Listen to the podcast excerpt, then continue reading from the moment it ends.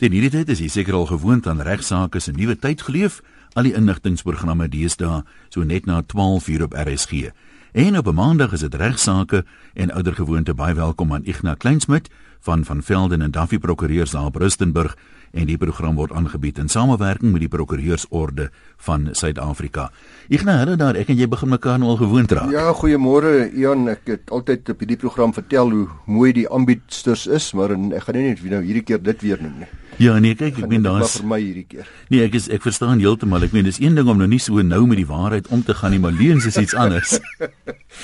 Ek nee, jy gaan vandag kyk na 'n paar briewe wat handel oor 'n mens se blyplek, oor huise. Ja, Ian, voor ek daarby kom, man, die, ek wil graag vir die luisteraars 'n gunsie vra. Uh jy het nog nie my vrou ontmoet nie en ek gaan maar veilig speel en sê daar is in Suid-Afrika bose vrouens. Daar was in die geskiedenis en die regsgeskiedenis was daar baie onaangename dames al gewees. Uh waarvan my vrou terloops beslis nie een is nie, maar Uh, ek soek 'n boek. En die boek handel met uh, bose vrouens. Ek dink dit is die naam van die boek ek reg onthou en ek het hom ongelukkig verlê. Uh, dit handel met die hofsaak van Daisy de Melker en Maria Lee en Margaret Reder en 'n klompie ander. Ek onthou ek dink daar's Ma Beyker vir Bounie M se liedjie uh vir Ma Beyker is ook ook iewers daarin. En is een van die mense dalk weet wat luister vandag, waar kan ek daardie boek kry? Wat sy regte naam? Sal ek dit baie waardeer. Net uh, na my e-posadres toe Igna by VVD soos Victor Victor Delta .co.za. Daar baie dankie by voorbaat daarvoor. Ja, en die boek is seker nou al dik as hy gereeld bygewerk word, né? Nee. ja. Ons soek moeilikheid hier, dis verseker so. Nou wat wat wil ons luisteraars uh, weet van huise? Waaroor gaan ons vandag gesels? Ek het 'n e-pos gekry van Omfani van 'n Wald. Uh, hy is van die Oosrand. Ek is seker hoe oud hy is, nie? Maar as Omfani weet hoe oud ek is, sal ek dalk verskoon as ek nie vir hom oom gaan sê nie. Ek sal maar vir Omfani sê.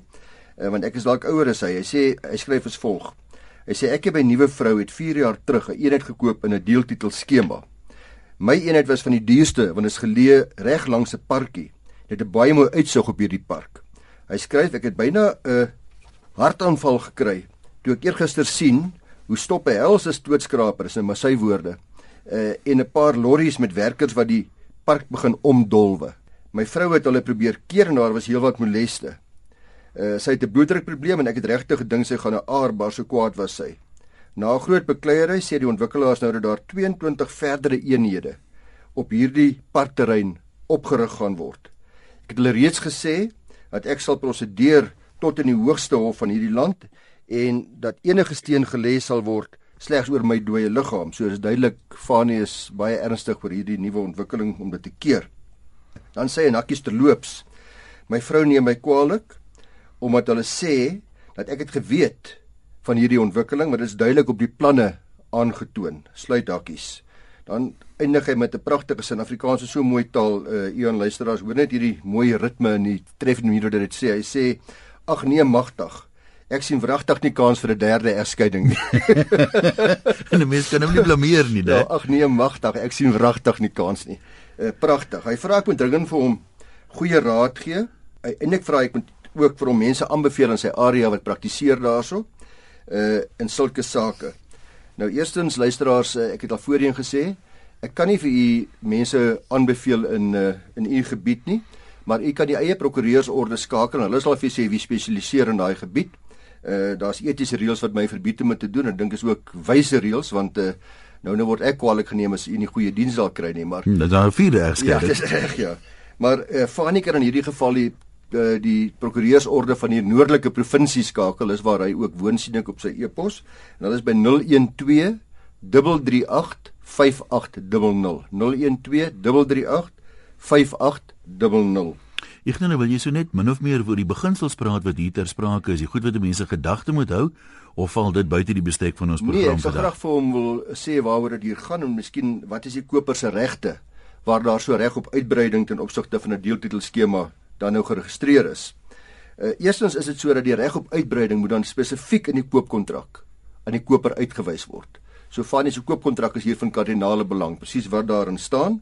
Indien dit nie die geval is nie, dan het koper natuurlik die reg om die kontrak te kanselleer. As daar nie vir hom gesê is by 'n deeltitel skema, nee, dis 'n fase 2 en 'n fase 3 en 'n fase wat ook nog wat mag wees nie, dit gaan so lyk en so lyk nie. Hy praat dan van 'n aandui op die planne so Sou die planne byvoorbeeld deel vorm van so 'n koopkontrak het 'n mensie soos per aanhangsel A, hier kan jy sien. Korrek. Heel dikwels sal dit so wees. Dis waarom ek dink Fanny dalk probleme want hy sê mos vir my in die briefie dat sy vrou sê of liewers hulle sê dat dit was ook deel van die van die planne gewees. Die planne is 'n sterk aanduiding van dat daar's vir hom ook in die hmm. kontrak gesê dat ja. daar meer as een fase is en dan verdere ontwikkelings gaan plaasvind. Nou om jou regte behoorlik te beskerm, uh is dit ook so dat die transportprokureurs, ek is prokureur wat transport doen, moet inderdaad 'n sertifikaat teken ook om te bevestig dat die koper met die transaksie wil voortgaan al is die reg nie in die koopkontrak uitgewys nie. Dit is so uh want dit's baie duidelik dan dat die tra transportprokureur hier ook 'n sekere plig het om om te kyk daarna. 'n uh, Reg op uitbreiding gee dan vir die ontwikkelaar die reg om binne 'n sekere tydperk bepaal in die kontrak verdere eenhede op die gemeenskaplike eiendom op te rig. En dit is my duidelik in hierdie briefie dat die parkie is deel van die gemeenskaplike eiendom. Mm. Uh waar daar nog 'n verdere ontwikkeling ja. sou plaasvind. Uh en omdat dit die bestaande eienaars soos Fani en ander se genot en gebruik van hulle eenhede beïnvloed, byvoorbeeld die mooi uitsig op hierdie parkie en in die dalk die stroompie wat daar loop of wat ook nog dit mag wees, maak die wet daarvoor voorsiening baie uitdruklik dat die koper van hierdie feite bewus moes wees voor hy oordrag neem. So op 'n fanie op te som, as hy sy koopkontrak sê hy was nie bewus daarvan nie, uh, dan kan hy kanselleer, teruggawe gee van sy eenheid en sy geld terugkry. As hy wel daarvan uh, bewus was, uh, dan natuurlik het hy geen regte hoegenaamd nie. Daar is nie sprake van 'n vermindering in koopprys omdat die uitsig is nou anders en hou die plek maar mag gee my afslag tipe van nie. Ons praat in die reg van die actio quanti minoris. Dis die aksie om te sê dat as die ge, die gebrek in die kontrak nie so wesentlik was hmm. dat dit my geregtig maak op restituisie teruggawe nie, dan kan ek 'n vermindering in koopprys eis. Ek dink in hierdie geval sal Fanie daar kan oorhandel met hulle en heel dikwels is dit wat gebeur in praktyk. Sê hoor jy, ek wil nie regtig kanselleer nie. Maar manne, ek het soveel meer betaal vir die uitsig omdat ek onder hierdie wanindruk was en julle het nie vir my gesê het nie en ek sal 'n deel van die koopprys terugvat. Ek dink dit sal waarskynlik in hierdie geval gebeur by wyse van onderhandeling.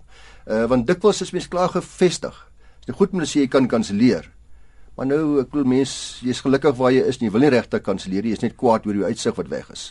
En jou vrou is vir jou ook kwaad en vrede te behandel ja, moet jy dan 'n bietjie geld kry om weer vir ietsie moois te koop. En jy kan waarskynlik as dit nou 'n jaar of 2 later is nie noodwendig dieselfde ding weer koop vir dieselfde geld nie. Ek meen ja, daar ja. mag allerlei praktiese probleme daarmee wees. Maar die goeie advies wat ons hieruit leer, uh, dink ek Ian is dat lees jou kontrak behoorlik. Uh want dit ag jy kry dit ook by ontwikkelinge van aftreeore ander woorde iemand sou vir jou sê daar gaan 'n daar gaan 'n spesiale hospitaal opgerig word. Maar daar's geen tydsbeperking daarop geplaas nie. Dan word is 'n in Engels sê hulle van 'n never never. Dis 'n is 'n ewig ewig dingetjie. Dit gebeur nooit nie en, en dan kom die ou mense by ons as prokureurs en hulle is sielsongelukkig want hulle was onder die indruk dat daar is 'n uh, sieke sorg eenheid en daar's 'n spesiale eenheid vir hulpbehoewendes en, en vir verswaktes ensovoorts. Dan sê die uh, kontrak dit maar hy sê dit sal eers in fase 7 of fase 8 wees wat wanneer ek al lankal waarskynlik nie meer daar is nie as gevolg van my ouderdom en dan is mens opreg baie ongelukkig. So lees jou kontrak, vat hom na 'n prokureur toe van u keuse, maak seker dat u verstaan presies wat u teken en hoe dit om u gaan lyk oor 'n klompie jare en wat alles ingesluit gewees en wat nie. En ek dink 'n mens kry ook baie keer mense kyk na die kontrak en as daar latynse terme in, daar's groot woorde in, is regstaal. Uh, sou 'n mens byvoorbeeld so 'n kontrak na jou eie prokureur toe kan neem en sê man verduidelik net vir my in gewone taal wat beteken die goed? Absoluut so. Jy weet dit is daai uh, voorkoming wat net soveel beter is as om uiteindelik 'n lang duur uitgerekte hofsaake betrokke te raak. En mense is so bang om na prokureurs toe te gaan want dit is duur, dit is so. Maar om daai halfuur te spandeer. Sê maak net seker daai paar honderd rand gaan vir u der duisende der duisende rande se sorges en kopseer en pyn en allerlei onaangenaamhede laat vermy. Ek nou dankie en wat skryf mense nog? Ja, ek het 'n skryf ontvang van 'n anonieme luisteraar. Uh sy gee baie min inligting of hy, hy sê bloot hy of sy sê bloot die volgende. Uh hulle sê ek het 'n bekende verhuuringsagentskap gevra om vir my huurders my huis te soek hier in die suidelike dele van die stad. Sê ook nie watter stad nie. Hulle het my laat weet dat daar wel huurders is vir die huurgeld wat ek wel wou hê. Groot was my skok en verbasing toe ek 'n paar weke later die huis besoek en vasstel dat dit bewoon word deur 10 Nigeriërs. En nadat ek feitelik met geweld by eie huis moes binnegaan, het ek gevind daar chaos binne die huis heers. Dat dit duidelik gebruik word waarskynlik vir onwettige aktiwiteite wat insluit sodat vir hom gelyk die maak van dwelms. Ek het as gevolg van die kriminele optrede van die huurders gelukkig daarin geslaag om met behulp van die SAP, hy sê ook nie sonder groot frustrasies nie, die mense daar uit te kry. maar beloop die skade in my eiendom honderde duisende rande. Het ek 'n eis teen die verhuuringsagent. Dis waaroor dit hier gaan. Ek kry die indruk hy was ook nog nie by 'n prokureur nie want hy vra ook op 'n later stadium of uh, of ek ook vir hom kan sê watter prokureur hy kan gebruik. Uh maar hy sê ook nie watter area hy is nie. Nou uh anoniem u dilemma word aansienlik aangehelp deur die verbruikerswetgewing, ons nuwe verbruikerswet. Uh in besonder artikel 54 van hierdie wet.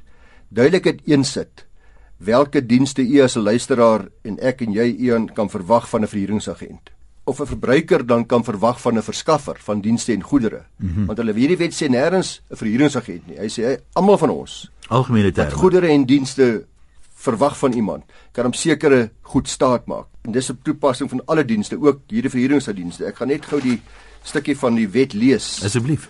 Uh net hier en daar ietsie uithaal. Artikel 54 gelees as volg. Hy sê wanneer 'n verskaffer onderneem om dienste vir of namens 'n verbruiker te verrig, dan het die verbruiker reg op eerstens die tydige verrigting en voltooiing van daardie dienste iets wat ons baie frustreer vir baie van ons dat dit binne 'n redelike tyd moet wees en dan ook tydige kennisgewing van moontlike onvermydelike vertragings.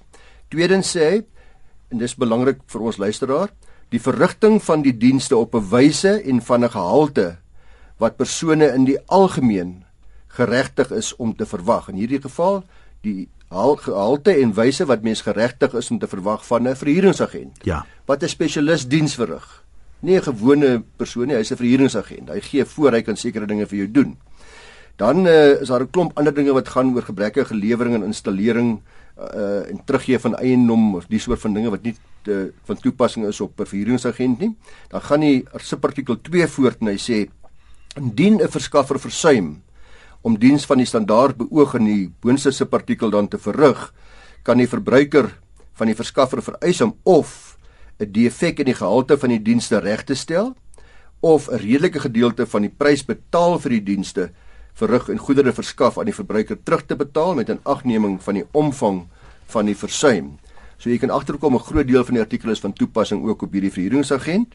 Uh en is baie duidelik, in my insiens, dat mens kan verwag van 'n uh, verhuuringsagent dat dit inherente deel van sy diens is om dit so te verrig dat hy minstens seker maak dat sy kliënt die huiseienaar behoorlik beskerm word deur dat hy aanvaarbare huurders redelike huurders so deel deel van sy pligte is dan byvoorbeeld insluit om daarom nou seker te maak wat wil die mense? Woon hulle net daar? Precies. gaan hulle een of ander besigheid bedryf? Wat doen hulle daar? Hoeveel, hoeveel mense, mense gaan daar bly, al daai tipe dinge.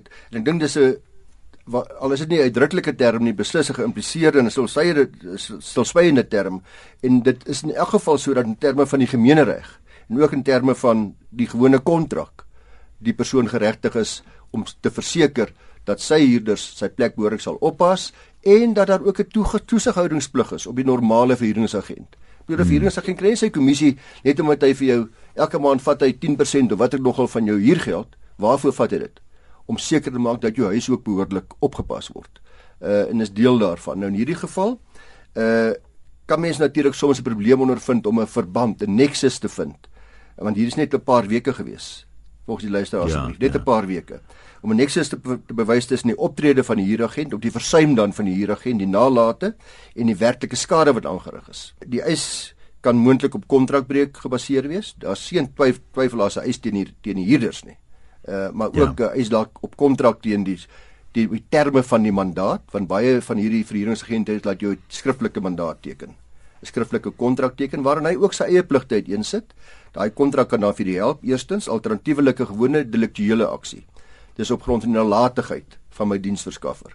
Dis gemeenregtelike delikte aksie, dan het ek ook reeds gesê dat die wet op verbruikersbeskerming help ons dan. Ek het net so vinnige algemene vraagie daaroor. Ehm um, mense is ook maar van nature geneig om te mislei. Hulle sê vir die agent byvoorbeeld hulle gaan net daar woon, maar 'n paar maande later blyk dit dat daar's nou baie meer mense daar na gebeur goed wat nie daar moet gebeur nie. Ehm um, die as die agent nou hoekom sê jy praat van 'n tydperk van 'n jaar of 2, 'n gereelde inspeksie sou gedoen het en hy sou agtergekom het maar die ding het werk nou heel anders as wat ons oorspronklik ooreengekom het. Ja. Uh dit sou hom dan nou steeds verantwoordelik hou daarvoor. Sonder twyfel, dis 'n tipiese geval Ian waar mense vind dat ek nie dieselfde dorp woon as waar my verhuuringsplek is nie. En ek sit in Kaapstad, ek het soontoe getrek en my huis in Rustenburg word verhuur en ek dink dis 'n geïmpliseerde term dat 'n enige verhuuringsagent wat op 'n maandelikse basis sy kommissie verdien, deel daarvan 'n uh, normale roetine inspeksie gaan hou om te seker jou tuin word op behoorlik onderhou, uh om te gaan kyk uh, dat daar binne in die huis nie te veel skade is nie en om onmiddellike stappe te neem ook vir uitsetting hmm. as dit sou blyk dat daar probleme is. En so ek het in jou voorbeeld wat jy gee, is ek geen twyfel, daar gaan 'n redelike maklike eis wees teen die vereringsagent nie. Ek nou jy het nog een oor wat uh, jy ontvang het wat jy wil behandel. Ja, ja, nou ek het uh, eintlik 'n hele paar briewe gekry wat handel met uh, huisversekering. Uh, die onroerende eiendom self, die vaste eiendom wat verseker is, want dit is altyd baie interessant hoeveel mense glad nie weet wat hulle versekeringspolis in opsigte van hulle vaste eiendom sê nie, wat daarin staan nie. Want dit is nogal redelik ook 'n moeilike polis om te lees, dis klomp fyn skrif en as ja. jy hom gaan kyk, dis by verre weg die grootste belegging in ons meeste van ons se lewens. Verseker. Uh, Uh en en dan is dit altyd vir my interessant dat hulle eintlik nonchalant en traag by nie agtig is wanneer dit kom by behoorlike versekerings van die vaste eiendom. Hulle maak seker hulle motor is behoorlik verseker en hulle meubels is behoorlik verseker. Maar hulle vaste eiendom weet hulle glad nie wat in die poliskontrak staan nie. Ek het 'n weer geskrywe ontvang van 'n huiseienaar van Mamasbury wat sê dat hy reuse probleme ondervind het met die bank wat sy versekerings van sy huis hanteer en by wie die verband ook is. Hy sê nou wat die naam van die bank is, maar dit is nodig om te noem nie. Hy sê sy verband is vir 480 000 rand en hy het sy huis vir 500 000 verseker. Die huis het nou gedeeltelik afgebrand. En dit blyk dat die waardasie van die eiendom ongeveer 'n miljoen rand is. Uh terwyl die skade aan die huis ongeveer 600 000 rand is. Hy sê die versekeringsmaatskappy sê nou dat hy onderverseker was en is hulle slegs bereid om ongeveer 50% van die skade van 600 000, aan die woorde net 300 000 aan hom te betaal. Nou hy is duidelik as jy sy brief lees, siels ongelukkig daarmee. Hy sê hy verstaan dit glad nie. Hulle kan dit ook nie vir hom behoorlik verduidelik nie en hy wil graag weet of ek dit kan uh, verduidelik. Sy presiese woorde aan die einde van die brief lees nogal lekker en interessant. Hy sê die blikskottels bedonder my. Ek wil hulle 'n les leer. Help my asseblief met goeie raad. Dis jy jy's ja. nou 'n ou soos bakkies bote wat nou dan 'n les moet leer ja, maar die blikskottels te donder my nou ek uh, maar kan ons 'n les leer. Slegter nuus vir hom uh, ek is bevrees dat die blikskottels hom nie te sleg hanteer nie want dit is so dat die meeste huiseienaars deur die verbandgewers verplig word om verbandsversekering uit te neem en daar's baie huiseienaars wat nie werklik belangstel om die balans bo die verband van die waarde van hulle eiendom te verseker nie maar dit is belangrik eerstens om te besef dat die verbandsversekering nie die markwaarde van die huis dek nie. Dis net jou verband wat gedek word. Soos in hierdie geval het hy nou gedink hy gaan so bietjie meer as sy verband uh, op ja, sy huis voorverseker. Ek dink veral deesdae wat mense baie keer hulle jy kry sukkel om 100% verband te kry, so daar's dikwels 'n 'n deposito betrokke wat natuurlik deel van die markwaarde vorm, maar jou verband is dalk net vir 75% van die waarde. En die verband is gewoonlik net doodsversekering. Ja. En nou net as ek te sterwe sou kom, dan is daar daarom vir my vrou die verband sal afbetaal en vir my of my erfgename. Nou afgesien daarvan moet huiseienars ook onthou dat die huisversekering ook kyk na die vervangingswaarde van 'n huis. Wat nie noodwendig gestel as markwaarde ja. is nie. Kyk as jy na boupryse deesdae kyk, dan wonder 'n mens of jy ooit weer 'n huis sal kan bou vir dieselfde prys wat jy hom kan koop. Maar goed, dis vervangingswaarde wat jy verseker. Net soos met jou motor, net soos met ander goed wat jy verseker. En heel dikwels is dit deel wat meer die vervangingswaarde. So gaan kyk, maak seker eerstens dat u u huis vir die regte waarde verseker, want die fout wat ons gereeld maak, uh ook die die luisteraars dat ons poog dan ook die premie te verminder deur ons huis onder te waardeer soos in hierdie geval. Uh die beginsel van awery kom dan hier ter sprake, 'n baie belangrike versekeringsbeginsel. Die effek daarvan is die versekeringsmaatskappy vir jou sê meneer, jou huis is 'n miljoen rand werd. Luister nou mooi. Jy het ons het hom vir 500 000 daarvan aan ons verseker. Vir die ander 500 000 rand het jy homself verseker. So daar's twee versekeraars. Ons is ons verseker die helfte van jou huis en jy verseker die ander helfte. Daar is nie 'n spesifieke helfte nie, is geïntegreer. Ja. Aan die ander wyse as daar 600 000 rand skade is, dan wat betaal ons dan? Dan betaal ons net 300 000 rand. Is dit dan die persentasie wat jy self verseker? Die persentasie sê nou dit was 70-30, dan sou hulle 70% betaal. Presies, as jy huis nou byvoorbeeld skade van 100 000 rand gehad het, sal hulle net 50 000 betaal, want ek het die helfte van my eie ja, huis verseker en hulle ja. die ander helfte verseker. Dis die beginsel van awery. Uh en dis dis dis weer eens belangrik om realistiese waarde te kry. Sommige huiseienaars is aan die ander kant weer geneig om hulle huise oor te waardeer. Uh baie van ons dink ons huis is meer werd as wat dit regtig werd is en dan verseker ons dit vir te veel en is totaal onnodig want jy gaan 'n hoër premie betaal. En moenie dink die versekeraar gaan jou hoër waarde vir jou gee nie. Hulle gaan kom kyk wat jou huis werd was op die stadium wat die huis ingestel word en dan gaan hulle daarvolgens so jy gaan vir nie daai hoër premie betaal. Uh so dis dit help nie regtig nie.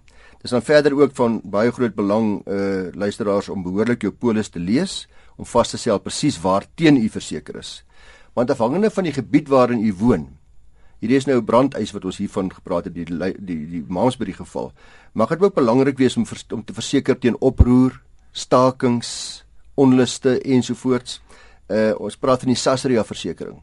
En daai Sasria premie is gewoonlik bitter bitter min. Ja. Ek dink veral besigheidseienaars versuim soms besigheidsperseeleienaars, ekskuus, versuim soms om om dit te doen.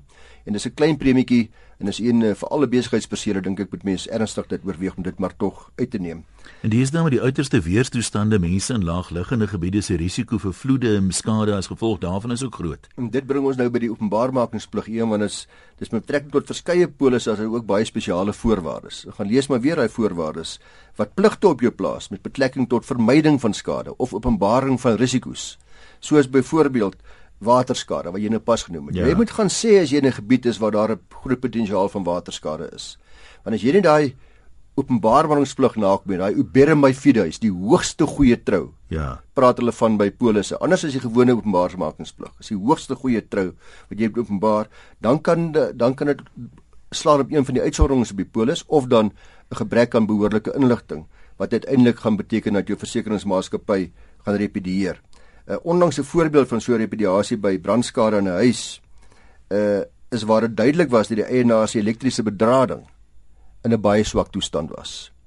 Anderswoorde nou brand die helfte van die huis af. Versekeringsmaatskappy se assessor gaan kyk en eers ding wat hy sien is maar my magtig. Hierdie plek voldoen glad nie aan die vereistes van 'n behoorlike hmm. elektrisiteitssertifikaat nie. Hier het waarskynlik 'n kortsluiting plaasgevind as gevolg van 'n nalatigheid van die eienaar self en as jy jou polis gaan lees, jy sien, daar sal daar sal daar instaan Jy moet seker maak dat jou dat jou bedrading in 'n uitstekende toestand is of in 'n baie goeie en 'n redelike toestand is en dieselfde geld vir allerlei ander moontlike gevare wat daar mag wees, soos byvoorbeeld 'n besigheid wat moet voldoen aan die bepalinge van die regulasies ja, van die ja. wat sê daar moet brandblussers wees, daar moet 'n brandtrap wees en daai en die soort van ding. As jy dit nie doen nie, gaan jou polis repedieer. So luisteraars onthou maar die hoogste goeie trou openbaar alles wat uh, op u huis van toepassing is wanneer u dit verseker, gaan lees die uitsonderings en maak seker dat u gerus kan slaap. En dis ook maar sinvol om dit gereeld te hersien, né? Jy het die huis dalk lank terug gekoop vir 'n minimale bedragie, maar hy's nou 3 keer dit werd. Absoluut so. Baie baie. Ek nou sê vir jou baie dankie. daarmee dink ek het ons aan die einde gekom van 'n vandag se geselsie. Ignas Kleinsmid van van Velden en Duffy Prokureurs op uh, Rustenburg en die program word ook aangebied met die samewerking van die Prokureursorde van Suid-Afrika. Mense wat vir jou wil skryf soos wat hierdie gedoen het van vandag, hoe maak ons? Ja, alles baie welkom om vir my te skryf vir uh, Ion uh, Ignas by VVD uh .co.za. Ek sê gereeld asseblief 'n uh, party van die luisteraars skryf lang briewe, folio's en folio's vol. Uh ek probeer nog tussenin so klein bietjie praktiseer. uh, maar belangrik is eon dat in u eie dorp is daar net sulke goeie prokureurs en die nie heel wat beter is ek self nie. En so wat u moet doen is uh, as u 'n saak van algemene belang het, dan gaan ek waarskynlik dit as 'n algemene item hanteer op hierdie program, maar ek gaan nie vir u persoonlik antwoord op u individuele probleem nie. Nou maar goed, ons sê baie dankie. Sterkte vorentoe.